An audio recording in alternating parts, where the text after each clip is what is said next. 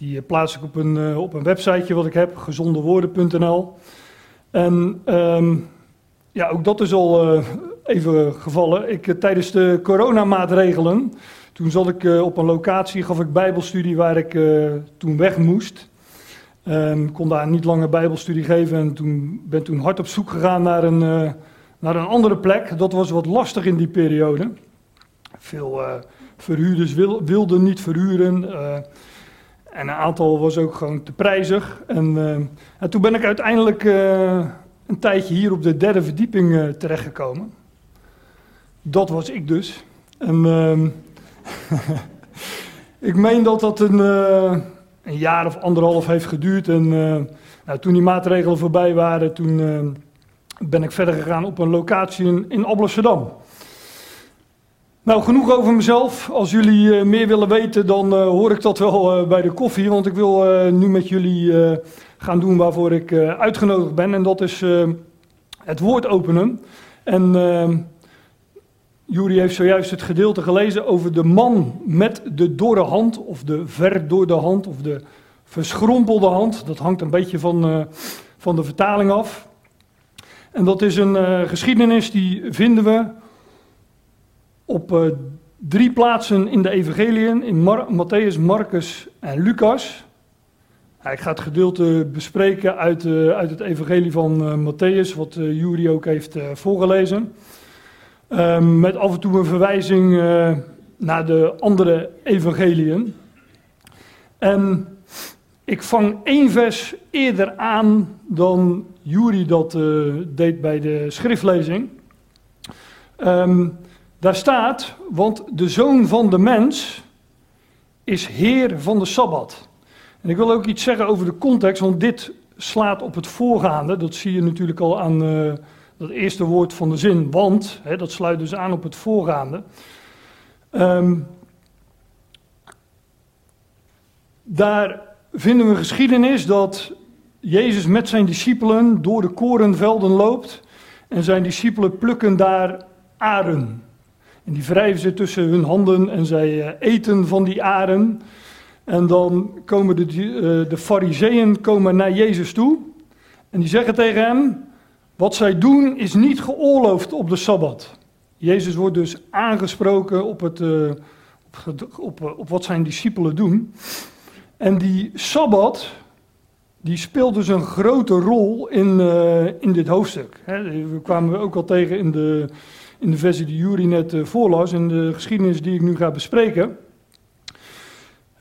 Overigens staat hier de zoon van de mens, hè, die term kennen we, de zoon des mensen.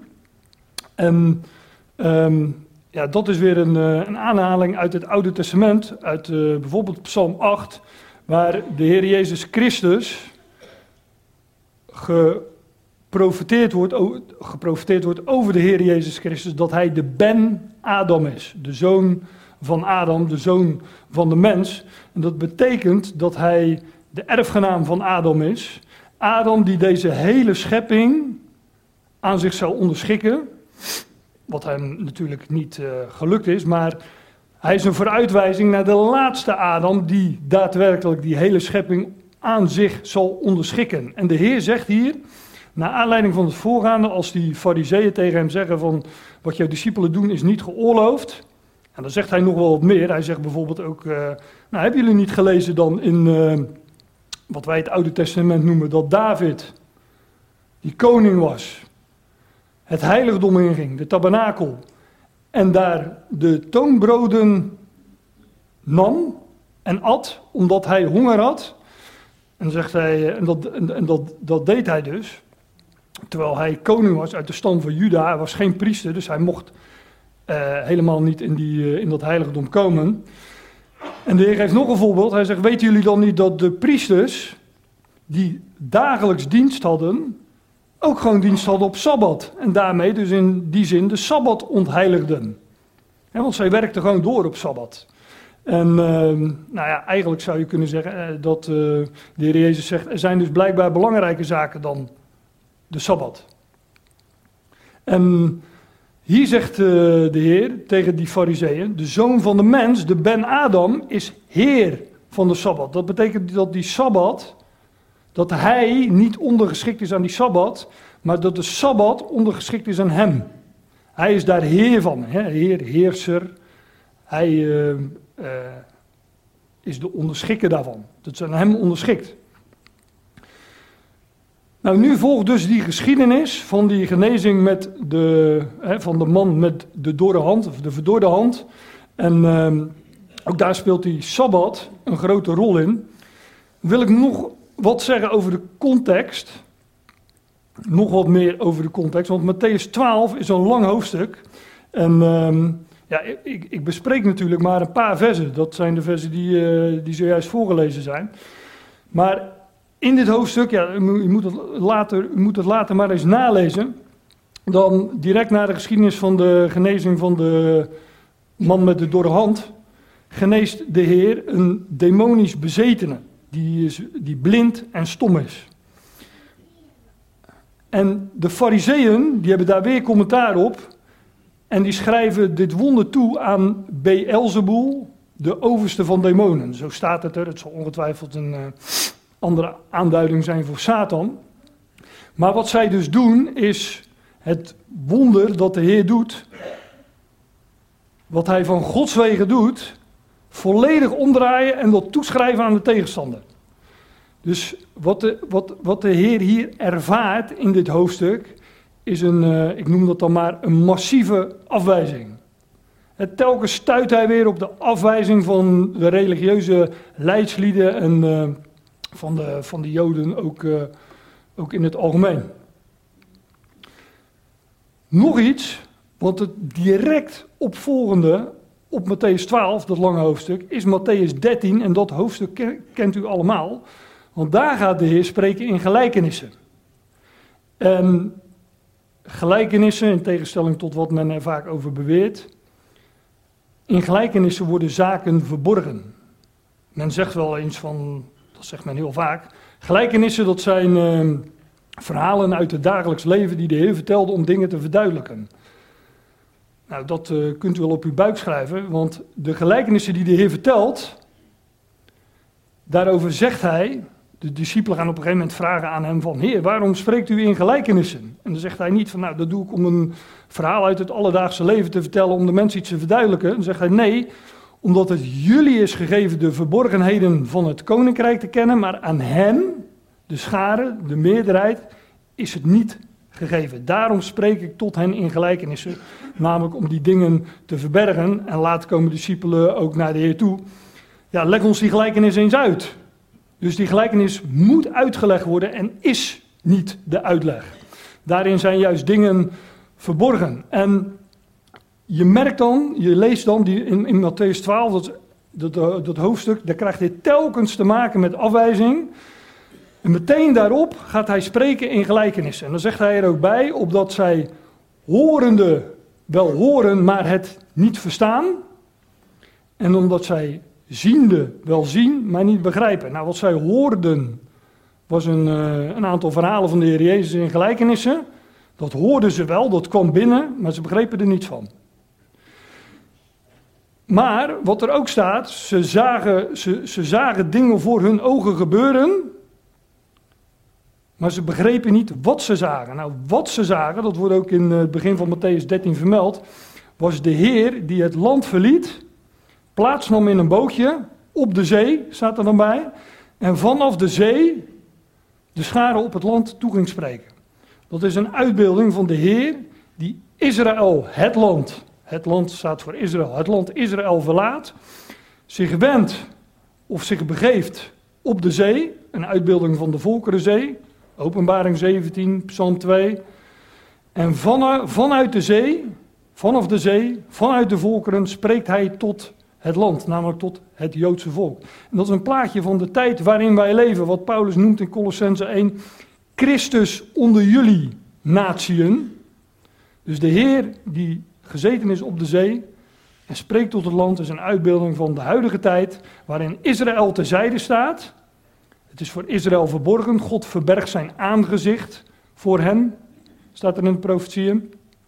En de Heer bevindt zich onder de natieën en als het volk Israël dat woord wil horen, nou, dan horen ze dat vanuit de Volkerenzee. Nou, die Sabbat speelt dus een grote rol in, deze, in dit hoofdstuk, in deze hoofdstukken, en ook in de geschiedenis die ik bespreek. En wat je telkens leest, is dat, ehm, dat er genezing plaatsvindt op de Sabbat. Ik zou een heel rijtje kunnen geven van genezingen die plaatsvonden op de Sabbat. Je zou bijna zeggen dat de Heer het erom deed. Ik denk ook dat hij het erom deed. Maar er zijn vele genezingen die plaatsvonden op een Sabbat, staat er dan nadrukkelijk bij. En uh, ik zou een heel rijtje kunnen noemen, dat, uh, dat doe ik niet. Maar zoek het woord Sabbat op in de evangelie met een concordantie. Je komt ze vanzelf tegen. Maar die, uh, die Sabbat, dat wil ik er nog bij zeggen, is een, was er, dat was de rustdag, hè, zoals die gegeven was onder de wet. Maar ook dat is een uitbeelding van iets groters, namelijk van de, de dag, maar dan geen dag van 24 uur, maar, of, maar van een dag van duizend jaar, namelijk de zevende dag in de wereldgeschiedenis sinds Adam, dat het volk ook daadwerkelijk die sabbatsrust zal binnengaan. Wij leven ongeveer, ongeveer dat, loopt, uh, dat loopt ten einde, uh, aan het einde van die zesde dag van duizend jaar. En de zevende dag staat op aanbreken. Hè. De, Johannes de Heer noemde dat uh, het duizendjarig vrederijk. De toekomende eeuw waarin Satan duizend jaar gebonden zal zijn en waar het volk werkelijk die rust zal ingaan. Nou, daar is die Sabbat een beeld van. En dat is dan ook de reden, de reden dat we vele genezingen uh, vinden in de evangeliën die plaatsvinden op een Sabbat of op de Sabbat. Want in die toekomende eeuw, in die duizend jaar, ja, dan zal het volk werkelijk genezen worden en hersteld. Nou, dat is wat deze geschiedenis ook uitbeeldt. En ik ga hem uh, met jullie uh, doornemen. Hij gaat verder daar vandaan. En hij kwam in hun synagogen. De Heer neemt afstand van die fariseeën, uh, hij kwam in hun synagogen. En uh, synagogen, dat is een Grieks woord, maar dat betekent zoiets als, hè, dat zin is samen. En um, dat tweede deel, dat betekent zoiets als vergaderen, hè, bijeen vergaderen of uh, samenkomen, samenkomst. De synagoge, dat weten we allemaal, is de plek van samenkomst van, van de Joden. Dus die setting is meteen ook Joods. En wat de Heer, wat hier ook staat, hè, hij, kwam, hij, hij kwam in hun synagogen. Daarmee wordt ook een. Uh, dat is ook al een. een, een daar, daarin klinkt al door dat er, dat, dat, dat er afstand van genomen wordt. Ik heb uh, vorige week uh, in Amsterdam gesproken over de, de wonderbare spijziging van de vijf broden en twee visjes. En dan staat er ook het feest van de Joden, het Pesach, was nabij.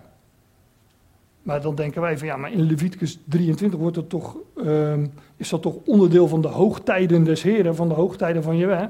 Ja, en toch wordt er op die manier afstand van genomen dat het een, een, een Joods feest was. Want waar het feest werkelijk van spreekt, de Messias, ja, die herkenden en erkenden zij niet. Nou, dat klinkt hier ook een beetje door. Hij kwam in hun synagoge. En zie, daar is een man met een dorre hand. Nou weet ik niet wat precies een dorre hand is. Verschrompelde hand, een verdorde hand. Ik denk dat als ik uh, aan de huisarts vraag van uh, hoe vaak heeft u of spreekt u mensen met een dorre hand, dan, uh, nou, dan zal dat wel meevallen denk ik. Maar we lezen, ja, ik weet verder ook niet wat dat betekent. In ieder geval dat die man zijn hand niet kon bewegen. He, er, zat geen er, zat geen leven in die hand. En dat, dat zullen we ook zien in, de, in het navolgende als de Heer hem geneest. Maar dor is in de Bijbel dood. En ik neem jullie mee naar een, uh, een uh, geschiedenis. Geschiedenis, een, een, een visioen in het Oude Testament. In de Hebreeuwse Bijbel uit Ezekiel 37 waar gesproken wordt over een dal van dorre doodsbeenderen. Een hele bekende profetie waarin Ezekiel een visioen krijgt. En hij wordt meegenomen door de Heer en in geest ziet hij een, een heel dar, dal, een vallei met allemaal beenderen. dorre doodsbeenderen. En dan staat er, dat zegt Ezekiel dan, de hand van Yahweh was op mij. En Yahweh deed mij in geest uitgaan en zette mij neer midden in een dal. En die lag vol beenderen. Dus ja, wij zouden zeggen één groot massagraf. Allemaal beenderen en dat, uh, dat zie je op het plaatje ook. Uh, hè, dus eigenlijk een be beetje dubbelop natuurlijk. Hè, dorre doodsbeenderen. Hij deed mij er aan alle kanten omheen gaan. En zie, er waren er zeer veel op de grond van het dal. En zie, zij waren zeer dor. Dus dor als, uh, als, als synoniem voor, voor dood. Hij zei tegen mij, mensenkind, zullen deze beenderen tot leven komen? En ik zei, Heere, Yahweh, Adonai Yahweh, u weet het. Toen zei hij tegen mij, profiteer over deze beenderen en zeg tegen hen, dorre beenderen, weer dat woord dor, hoort het woord van Yahweh. Zo zegt mijn Heer Yahweh tegen deze beenderen, zie, ik breng geest in jullie en jullie zullen leven. En dan, ik kan niet heel Ezekiel 37 bespreken, want ook dat is een lang hoofdstuk, maar dan lees je dat er um, op een gegeven moment spieren en pezen uh, op die beenderen komen en dat die beenderen bij elkaar komen. Dan lees je op een gegeven moment, ja, en, en, er was nog steeds geen geest in, dus het leefde nog niet. En uiteindelijk gebeurt dat wel, komt er een geest in die beenderen en uh, die lichamen richten zich op. En dan wordt het visioen, het beeld, wordt ook uitgelegd. Dan zegt God weer tegen, tegen Ezekiel, toen zei hij tegen mij, mensenkind, deze beenderen dus die dorre doodsbeenderen die we zullen herleven, zijn heel het huis van Israël. Zie, ze zeggen onze beenderen zijn verdord. Onze hoop is vergaan, wij zijn afgesneden. Dus in dit visioen van Ezekiel spreken al die beenderen van het volk Israël, dat namelijk dood is, verdord, er is geen leven in, geen geest. Zij zijn een ongelovig volk. Profeteer daarom en zeg tegen hen: Zo zegt de Heer Jahweh: Zie, ik zal jullie graven openen en ik zal jullie uit jullie graven doen oprijzen, mijn volk. En ik zal jullie brengen in het land van Israël. Dus het volk Israël wordt hier voorgesteld als door, doods, doodsbeenderen. En zij zijn in het graf. Dat is de tijd waarin wij leven. Israël als volk staat terzijde. Christus bevindt zich onder de natieën en het volk is als het ware uh, in het graf, dood. Er is geen geest in. Maar in de toekomst zullen zij herleven. Dan zullen die dorre doodsbeenderen, die zullen bij elkaar komen. Er zal uh, spieren, pezen enzovoorts opkomen. Die lichamen zullen opgericht worden en er zal geest in hen komen.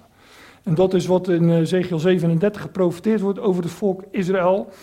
En dat vinden we in die geschiedenis van die man met die dorre hand uitgebeeld. En zie, daar is een mens met een dorre hand. En zij stellen hem een vraag. Ze stellen een vraag aan de Heer. En zij zeggen of het geoorloofd is om op de Sabbat te genezen. Om hem te kunnen beschuldigen. Maar de Heer had al gezegd van de zoon van de mens, de zoon, de Ben Adam, is een Heer ook van de Sabbat. Hè? De Sabbat is aan hem onderworpen en hij, hij is dus niet onderworpen aan die Sabbat. Ja, die Sabbat, nogmaals, dat uh, wellicht een overvloede, maar die Sabbat is dus een beeld van, die, van de duizend jaar, zoals we dat wel noemen. In ieder geval die zevende dag van duizend jaar, van de toekomende aion, die, uh, die spoedig zal aanbreken. En waarin zal gebeuren wat in Ezekiel 37 ook voorzegd wordt. Dat die, voorzegd wordt dat die dorre doodsbeenderen zullen herleven en opgericht worden. En die doodsbeenderen is een, een beeld van, hè, zoals het staat in Ezekiel 37, het hele volk, het ganse volk van Israël. Zij zullen herleven. In Hebreeën wordt dat ook al genoemd de Sabbatsrust, die nog over is voor het volk en die het volk uh, zal ingaan. Misschien had ik het aan het begin moeten zeggen, maar um, al, alle, het, het heet in de Bijbel wonderen. Het zijn wonderen die de Heer deed. Allerlei genezingen, zoals de genezing van deze man met de verdorde hand.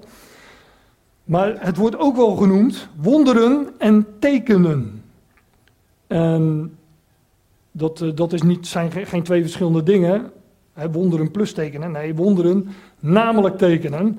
Want al deze tekenen hebben een betekenis. Ik verwijs uh, voor het gemak. Kijk, ik, ga dat, ik, ik, ik was vorige week, dat zei ik al in Amsterdam, waar ik sprak over dat wonder of dat teken van de vijf broden en de twee visjes. En toen heb ik twee, twee versen uit uh, het Johannes-evangelie aangehaald. één uit het begin en één aan het, uh, aan het einde. In Johannes 2, na de geschiedenis van de bruiloft te Cana, dan staat er... Dit begin van de tekenen heeft Jezus gedaan te Cana in Galilea om zijn heerlijkheid te openbaren. Het was niet slechts een wonder dat daar water in wijn werd veranderd. Nee, dat wonder betekent ook iets. Het is een teken. En aan het einde van het evangelie van Johannes, eh, zo'n beetje aan het einde Johannes 20, vind je dan dat er staat geschreven dat Jezus nog veel meer tekenen heeft gedaan. Maar dat als die allemaal beschreven zouden moeten worden, dat de boeken die niet zouden kunnen bevatten. Maar deze zijn geschreven opdat je gelooft dat Jezus is de Christus, de Zoon van God. Dus die wonderen zijn niet slechts, ja, ik, dat klinkt wat onerbiedig, zijn niet slechts trucjes. Het zijn niet slechts wonderen, maar het zijn ook tekenen met een diepere betekenis. Nou, dat is deze geschiedenis van de man met de dorre hand ook. Zij stellen hem een vraag, ze zeggen of het geoorloofd is om op de Sabbat te genezen, om hem te kunnen beschuldigen. Onzuivere motieven hadden zij dus ook, maar dat, uh, dat lezen we wel vaker. En hij zei tegen hem, welk mens zou er onder jullie zijn die een schaap heeft en die als dit op de Sabbat in een kuil valt, het niet zou grijpen en overeind doen komen? Ja, waarmee de heer dus ook meteen tegen die... Uh, Fariseeën zegt, jullie zijn stel hypocrieten. Want als jullie schaap op, ik wil het bijna zondag zeggen, maar op Sabbat in een kuil valt, dan halen jullie hem er ook uit. En ehm, ik denk overigens dat ik ook wel weet welk schaap dit is.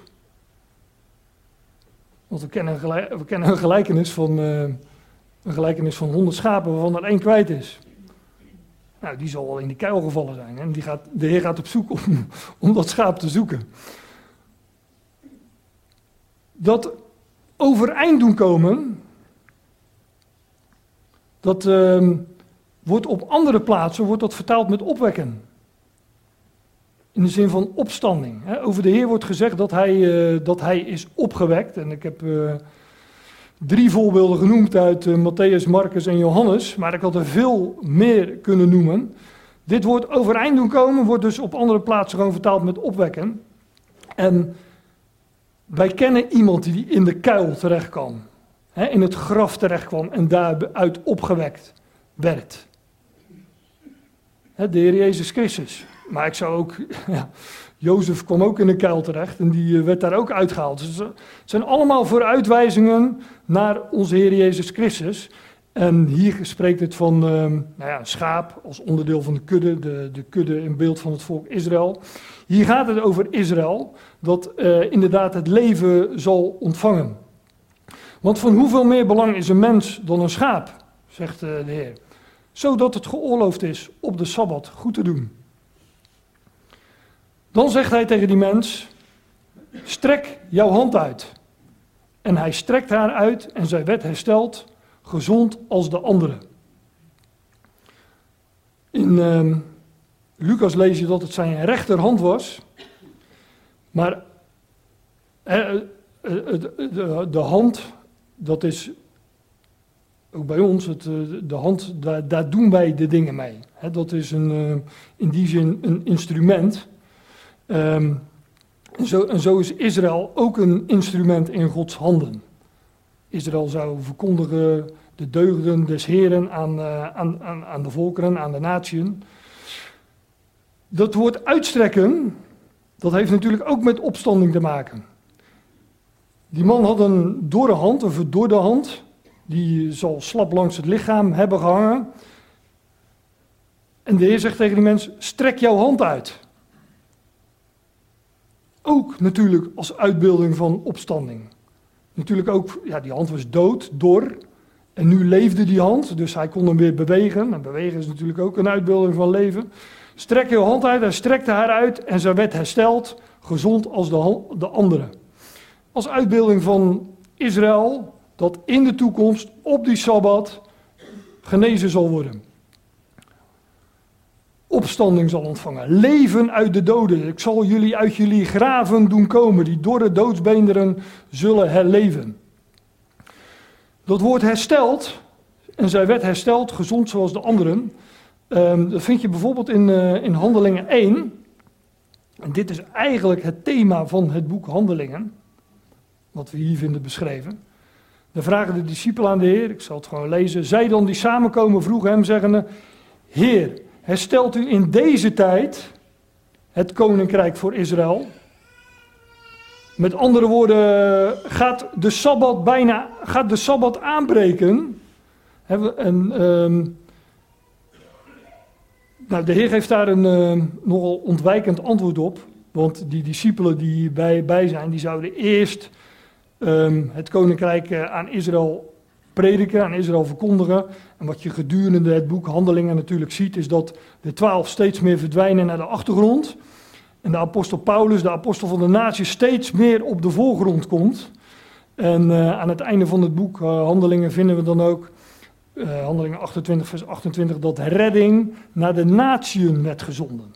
En er zou dus een, het koninkrijk zou voor Israël niet hersteld worden, maar dat zou, God zou eerst zijn verborgen plan, de verborgenheden van het koninkrijk, hij zou zijn verborgen plan uh, uitvoeren en Christus zou verborgen zijn onder de natie. Dat is de tijd waarin wij leven en pas in de toekomst, inmiddels nabije toekomst, zal Israël hersteld worden. Nog eentje uit handelingen. Ik, zei, ik zie dat ik, uh, dat het, dit moet niet handelingen 1 zijn, maar handelingen 3. Bezien je dan, dit is Petrus, die dus in het begin van dat boek handelingen uh, aan Israël het koninkrijk verkondigt, dat nou, ik lees het weer gewoon. Bezien je dan, hè, zegt hij tot het Joodse volk, ook trouwens naar aanleiding van de genezing, genezing van de verlamde man bij de schone poort. Bezien je dan een keer om, opdat jullie zonden uitgewist worden, zodat er perioden van verfrissing zullen komen van het aangezicht van de Heer, en dat hij de Christus die voor jullie voorbestemd is, Jezus zal zenden, die de hemel moet ontvangen, tot op de tijden van het herstel van alle dingen. Dus de Heer was inmiddels ten hemel gevaren, ook handelingen 1. En in handelingen 3 predikt Petrus hier aan het volk dat als zij zich zouden bekeren, bezinnen en omkeren, het bekeren, dan zou als volk, en als het volk tot geloof zou komen in de Messias, dan zou God die Messias terugsturen naar de aarde. En dan zou hij alles herstellen tot op de tijden van het herstel van alle dingen, waarvan God vanaf de Aion spreekt, door de mond van zijn heilige profeten.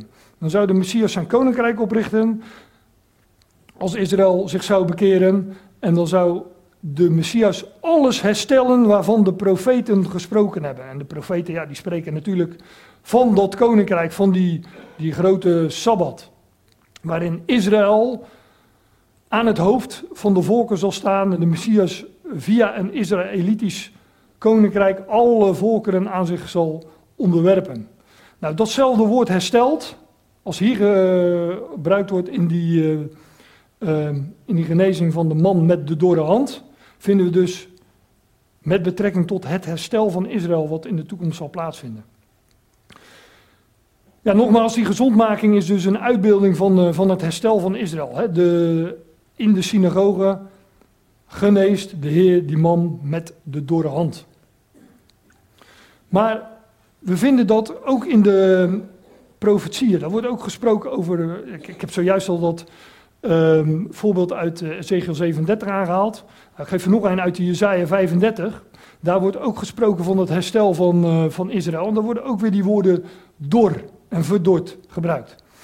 Jezaja 35 ook een tamelijk lang hoofdstuk. Ik, uh, ik, ik, haal er een paar versen uit en ik heb er ook uh, wat gedeelte uitgeknipt. En uh, nou ja, lees dat uh, later eens na. De woestijn en de dorre plaatsen zullen vrolijk zijn. Nou, in een woestijn en een dorre plaats is niet zo heel veel reden tot vrolijkheid. want dan ga je dood. Maar die, die plaatsen die nu door zijn en wat een woestijn is, dat zal ook letterlijk gebeuren. Het land zal weer, uh, zal weer bloeien, dat lezen we ook in, uh, in Jezaja 35. De wildernis zal zich verheugen en in een bloei staan als een roos. Dus dat, dat land wat nu droog en dor is, ja, ik, ik weet wel, die, die Joden die, die, die zijn erg slim met met zaken als irrigatie. En er zijn echt wel vruchtbare plekken uh, daarmee gecreëerd. Maar straks zal heel dat land uitbarsten van leven. De woestijn zal bloeien als een roos. En de wildernis zal zich verheugen. Ze zullen zien de heerlijkheid van Jehovah, de glorie van onze God. Versterk de slappe handen, verstevig de wankele knieën. Dan zullen de ogen van de blinden worden opengedaan allemaal ook uitspraken over die grote sabbat, over die toekomende aion, over uh, nou ja, wat Johannes de Heer noemde het duizendjarig vrederijk. Dan zullen de ogen van de blinden worden opengedaan, de oren van de doven zullen worden geopend. Ik heb het nu over de genezing van de man met de dorre hand. Maar we vinden heel veel genezingen, van doven, van ogen van blinden die worden opengedaan. En dat zijn allemaal uitbeeldingen van het volk Israël dat waarvan straks de ogen geopend zullen worden, waarvan de oren geopend zullen worden. En uh, zoals Paulus in, uh, in Romeinen 11 zegt, van nu zijn hun ogen gesloten, nu zijn hun oren toegestopt. Maar die zullen open gaan. Israël zal zien, werkelijk zien, ja, ook wie zij doorstoken hebben, maar ze zullen hem erkennen als de Messias. En, uh, en Gods woord werkelijk gaan verstaan als belofte. Dan zal de kreupelen springen als een het. De tong van de stommen, stomme zal juichen. Ik, had, uh, ik, ik haalde zojuist de toespraak van Petrus aan, uit Handelingen 3 van de verlamde bij de Schone Poort. Maar daar wordt, de, als ik die geschiedenis zou bespreken, zou ik ook dit vers aanhalen. Want daar wordt gezegd van die verlamde dat hij opsprong en danste en uh, ja, sprong als een het bij wijze van spreken. De kreupelen zal springen als een het, de tong van de stomme zal juichen. Dat zagen we ook al in, uh, in Matthäus 12, Tenminste, ik heb dat aangehaald. In, vanaf vers 22 wordt dus stomme en dove, was het, die wordt daar genezen. Want in de woestijn zullen wateren zich een weg banen en beken in de wildernis. Het dorre land zal tot een waterpoel worden. Dood, van dood naar leven. Het dorstige land, dorst komt natuurlijk ook van dor. Als je dorst hebt, dan ben je verdroogd. En de nou, als je maar lang genoeg uh, dorst houdt, dan ga je ook dood. Dan verschrompel je ook. Maar het dorre land zal tot een waterpoel worden, het dorstige land tot waterbronnen. Allemaal uitbeeldingen van leven uit de doden. En dat zal natuurlijk ook letterlijk gebeuren. En de fariseeën gaan naar buiten en zij beraadslaagden tegen hem om hem om te brengen. Nou, dat is nog eens een reactie. De Heer geneest dus een man met een dorre hand. Hè, en uh, ja, zou verblijd moeten zijn dat die man zijn hand weer, uh, weer kan gebruiken. En, maar het zij beraadslagen tegen hem om hem om te brengen. Dat is de reactie van de religieuze elite. En ehm, ja, dat vinden we zo vaak. In, in Johannes 5 bijvoorbeeld, de lammen bij Bethesda. Dus een man, er staat bij, die heeft er 38 jaar gelegen. Verlamd, kon niets. En de Heer geneest hem. En dan zegt de Heer, neem je bed op, hè, je lichtmatje, is het, uh, is het, neem je bed op, je lichtmatje en wandel. En dat doet hij. En de eerste wie die dan tegenkomt is, uh, ik meen dat dat ook fariseeën zijn, en die zeggen van, waarom draag je je bedje op Sabbat? Ja, dan zegt, uh, dan zegt die man van, ja, degene die mij genezen heeft, die zei dat ik dat moest doen. En die is heer van de Sabbat. En, maar, maar dat moet je je voorstellen, 38 jaar had, die man daar gelegen. En het eerste wat hij te horen krijgt, waarom draag je dat, dat lichtmatje? Dat mag niet op Sabbat. En dan zegt hij van ja, maar degene die mij uh, die heeft gezegd sta op, die heeft mij gezegd dat ik mijn bed op moest nemen en wandelen. Nou, ook dat is natuurlijk een uitbeelding van het stel van het, van het volk Israël. Maar dit is in principe het einde van de geschiedenis. En tot, tot zover heeft Jury zojuist ook de schriftlezing gelezen. Maar ik lees nog even verder, want ik, ik, ik, ik, ik heb de, de context van deze geschiedenis geschilderd. Ehm, de, ik, ik, heb gewezen op de, de afwijzing die de Heer telkens weer ondervindt. Een zeer massieve afwijzing. En ook dat de Heer na die afwijzing zijn reactie daarop is dat hij in verborgenheden gaat spreken en zich keert, wegkeert van het land naar de zee. Allemaal uitbeeldingen van, eh, van hetzelfde. Van, de, van Israël dat terzijde wordt gesteld, het heil dat naar de natie gaat, Christus die zich onder de natie bevindt. Nou, en dat is precies wat we hier ook gaan lezen in het navolgende. Ik lees die versen alleen, ik ga er geen eh, uitgebreid commentaar op geven, maar ik wil het toch nog even meenemen. Fariseeën gaan naar buiten, zij beraadslagen tegen hem om hem om te brengen. Dus, nou ja, over massieve afwijzing gesproken. En Jezus, dit wetende, trekt zich vandaar, daar vandaan terug. Met de taal van het Oude Testament zou je kunnen zeggen, hij verbergt zijn aangezicht voor hem. Want dat is wat God in deze tijd doet voor het Joodse volk. Israël is terzijde gesteld en de Heer, um, de Heer die, uh, die demonstreert dat ook door zich van hen af te keren. Trekt zich vandaan terug en velen vele volgden hem en hij geneest hen allen. En dat lezen we ook vaak, dat hij zich afkeert van de Joden, maar is altijd een groep, een gezelschap dat hem wel volgt. Ja, en daar spreekt hij uh, zijn woord. Tot hen spreekt hij zijn woord of hij geneest hen. Maar ja, dat, dat, ook dat is natuurlijk een, een plaatje van de huidige tijd. Israël wijst hem af, maar er is een gezelschap dat hem wel accepteert als de Messias. Wel aanvaardt als de Messias. En dat zijn uh, zijn ecclesia die hij nu om zich heen verzamelt als zijn lichaam, de gemeente. Jezus dit wetende trekt zich daar vandaan terug en velen volgen hem en geneest hen allen. En hij vermaant hen dat zij hem niet openbaar zullen maken. Wat blijft hij dus? Hij blijft verborgen. Nou, moet ik daar nog meer over zeggen? Dat is toch een, plaatje van de huidige tijd waarin de Heer verborgen is voor Israël. Paulus noemt het ook de verborgenheid of het geheimenis. Christus onder jullie natieën. Dus voor Israël wordt hij niet openbaar. Het koninkrijk wordt verborgen. En uh, de Heer gaat in het volgende hoofdstuk spreken over de verborgenheden van het koninkrijk. Op, opdat het woord vervuld zou worden, dat gesproken werd door de profeet Jezaja, zeggende, zie mijn knecht die ik verkies, mijn geliefde, mijn Dahoed, David, de zoon, nee, en hier gaat het over de zoon van David. Zie mijn knecht die ik verkies, mijn geliefde, in wie mijn ziel een welbehagen heeft. Ik zal mijn geest op hem leggen en hij zal het recht aan de natieën, aan de heidenen verkondigen. Dus hij verbergt zich, keert zich af van, het, van, van de Joden, verbergt zich. En hier wordt, er wordt gezegd, opdat vervuld zou worden wat Jezaja al verkondigd had, hij zal het recht aan de natieën verkondigen. Nou, dat is een schitterend plaatje van de tijd waarin wij leven. En dan, wordt, en dan nog eens, als uh, een paar versen verder, en op zijn naam zullen de natieën hopen. Ja, en zijn naam is Jezus, Yahweh red. En die Paulus in deze verborgenheid ook bekend maakt als de redder van de wereld. Ja, en wij hopen, wij, wij, wij hopen op die naam. Wij verwachten hem, dat hij spoedig terug zal komen, dat, dat hij dan via Israël zijn koninkrijk zal openbaren, de volkeren zal onderschikken en heel dat koninkrijk zal uitbreiden over heel deze wereld. Wij leven in die uh, geweldige tussentijd en dank God dat hij daarvoor onze ogen geopend heeft, zodat wij zijn woord mogen onderzoeken en die, uh, die verborgenheden aan de oppervlakte mogen zien en daar telkens weer mogen ja, worden, gewezen, worden gewezen op onze Heer Jezus Christus.